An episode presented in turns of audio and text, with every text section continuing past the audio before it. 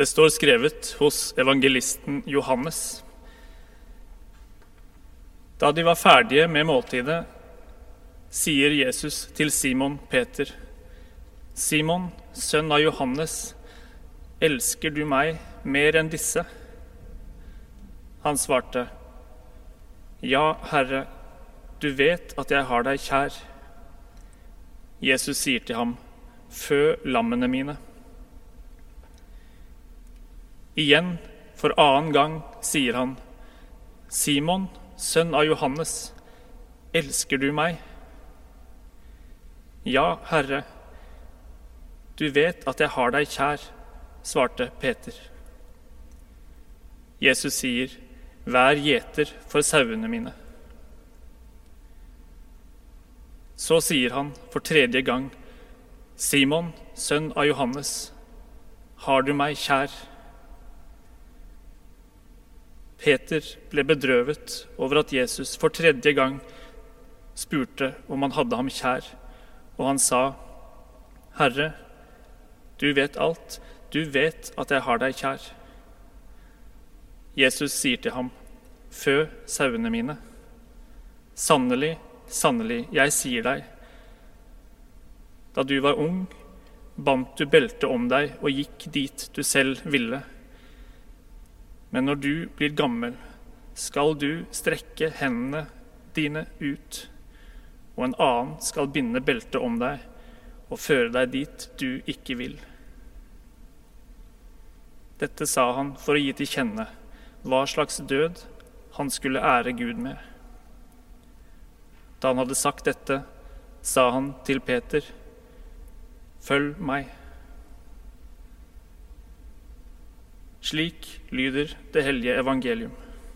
Gud være lovet. Elsker du meg? Følg meg. Slik lyder det hellige evangelium. Og Det er ikke første gang Jesus sier sånne ting som han sier her til Peter på slutten av Johannes-evangeliet. Det er sånn det begynner når han samler disiplene. Han sier at de skal følge ham, legge fra seg det de holder på med, og bare gå fra arbeid, fra familie, og følge en som sier 'følg meg'. Og så, når de har fulgt ham i tre år og spiser det siste måltidet sammen med ham, sier han plutselig at 'dit jeg går, kan ikke dere komme'. Hvor går du? spør Peter da. Du kan ikke følge meg, svarer Jesus. Senere skal du følge meg. Hvorfor kan jeg ikke følge deg nå? spør Peter. Jeg vil gi livet mitt for deg. Og så svarer Jesus at Peter i stedet skal fornekte ham tre ganger. Og kanskje er det derfor Jesus spør nå, tre ganger, om Peter elsker ham, nå når de snakker sammen, etter at han er oppstått, etter at det er over. Og så sier han igjen for siste gang, 'Følg meg', og føyer til det som mange tolker som hva det vil innebære for Peter å følge ham, nemlig korsdøden. Han også skal strekke armene ut. Jeg vet ikke hva å følge Jesus betyr. Ikke når Jesus sier det, som her, til Peter, og heller ikke når andre sier det. At det er det de driver med, eller i hvert fall prøver på, eller synes at andre også bør gjøre. Jeg vet ikke hva som menes, og har aldri opplevd det å følge Jesus som en oppfordring som egentlig vekker noe i meg. Ingen impuls eller respons til å gjøre noe spesielt, annet enn å være litt forsiktig med hva jeg svarer. Ofte menes jo sikkert noe i retning av å følge Jesu eksempel i handling eller væremåte, f.eks. å gå i døden for noen, eller i det mer hverdagslige å leve nær Gud, hva nå enn det er der Gud er, hva nå enn det skulle være, annet enn det som er ellers, enn det som er fra før, det vi har og kjenner fra før.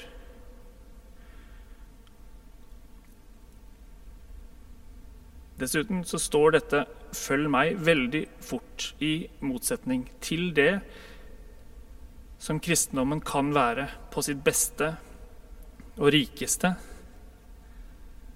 For selv om kristendom mange steder må kritiseres som undertrykkende, hjernevaskende, konformitetssøkende og med et forkvaklet menneskesyn, så kan kristendommen også på sitt beste og rikeste gi mulighet for frigjøring nettopp fra å bare følge, fra å bare godta og underkaste seg.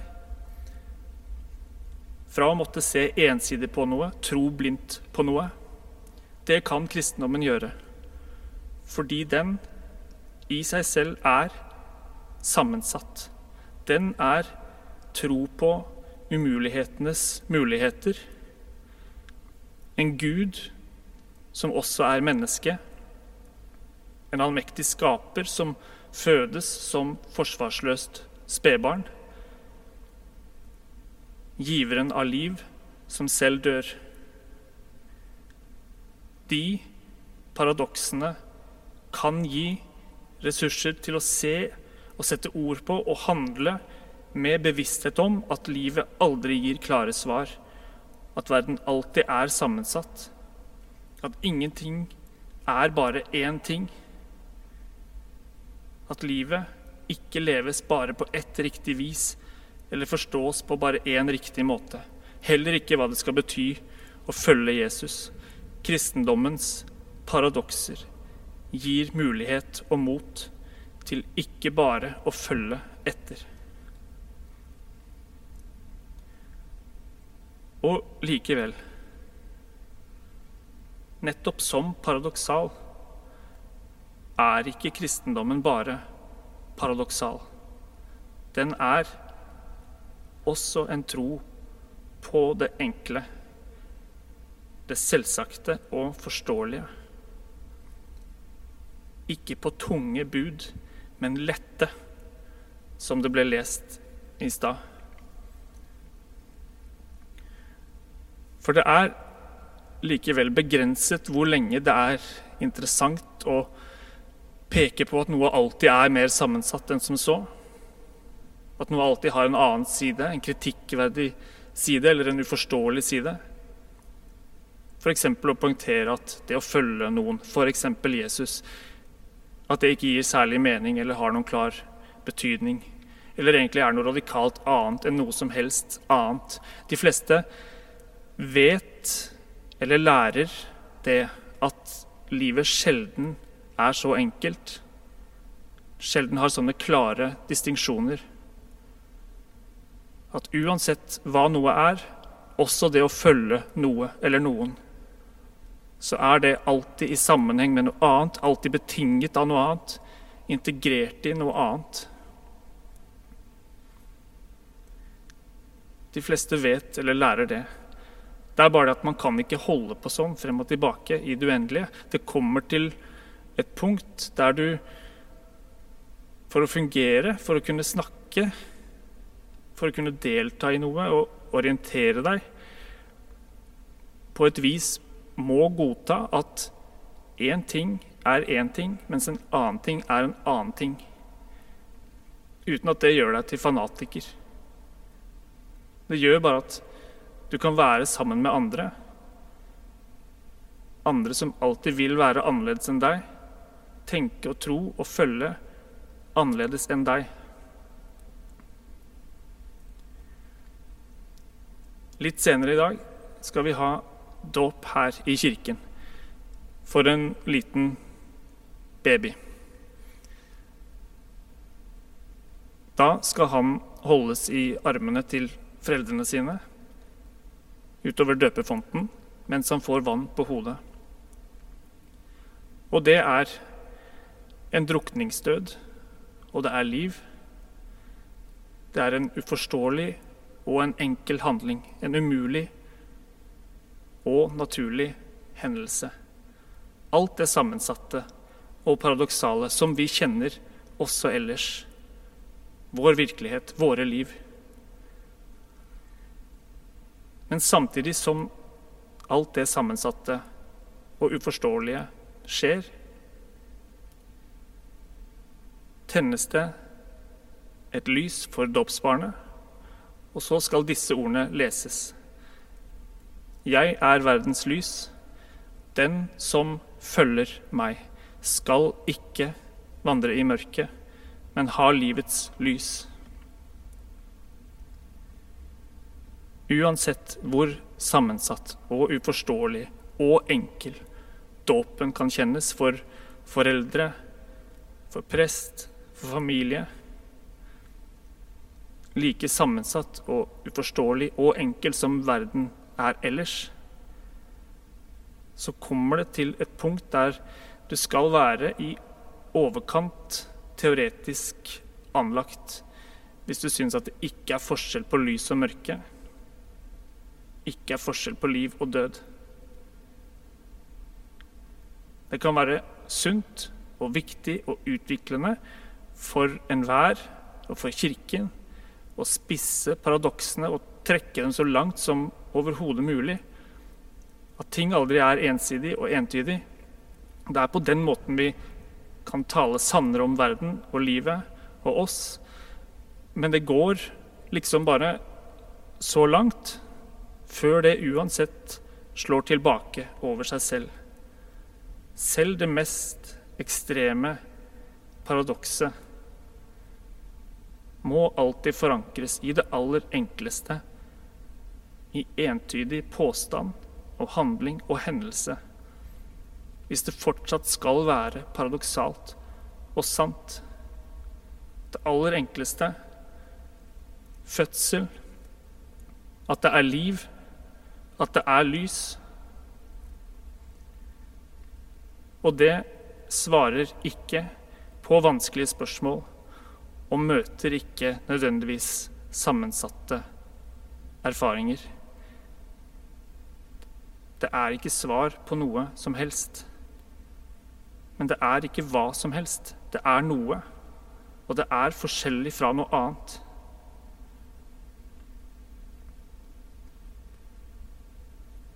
I begynnelsen var ordet, starter Johannes evangeliet med, før alt det om å følge etter drar i gang.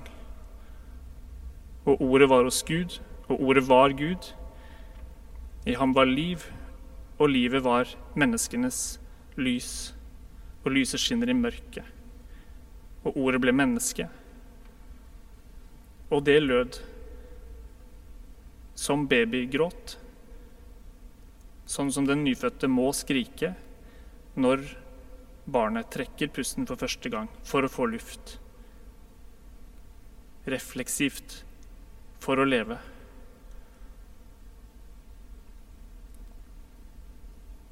Og som vi kan høre og forstå umiddelbart, som vi vet hva betyr. At vi må møte det med kjærlighet. Like imperativt og nødvendig som et bud, men enkelt, lett, forståelig en refleksiv respons i oss. Det er vår menneskelighet, som også er Guds. Ære være Faderen og Sønnen og Den hellige ånd, vår skaper, frigjører og livgiver, som var, er og være skal en sann Gud fra evighet til evighet.